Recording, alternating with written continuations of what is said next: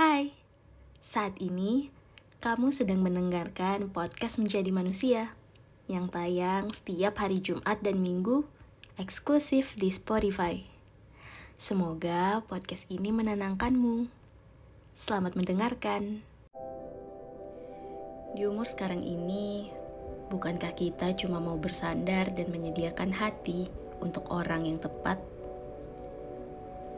Coba kita ingat-ingat kisah cinta pertama. Entah di mana dia sekarang. Tapi tampaknya bahagia sudah menjadi nama belakangnya. Dulu mungkin kita pernah menjadi palung tawa yang ada di bibirnya.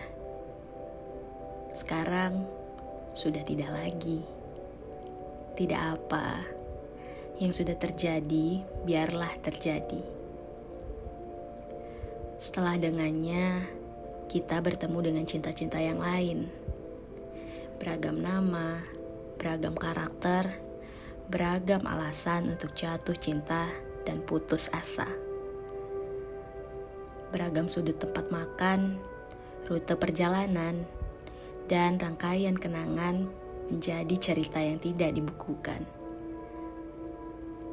Sesuatu yang berada di luar kendali tangan manusia terjadi begitu saja Coba ingat-ingat. Kenapa kamu putus kontak dengan mereka? Bagaimana kamu bisa begitu terluka?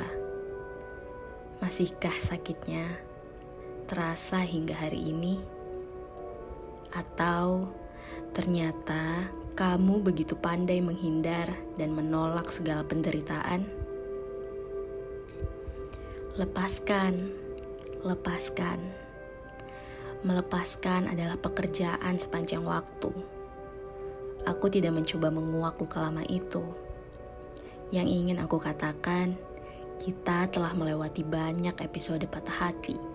Dan sepahit-pahitnya, entah berapa tetes air mata yang telah berderai, atau ngilunya dada saat berusaha terpejam, kita melaluinya.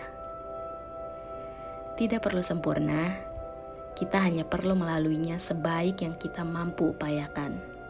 Meski terlunta-lunta, walaupun sempat merasa tidak punya teman untuk diajak berbagi, akhirnya lewat juga.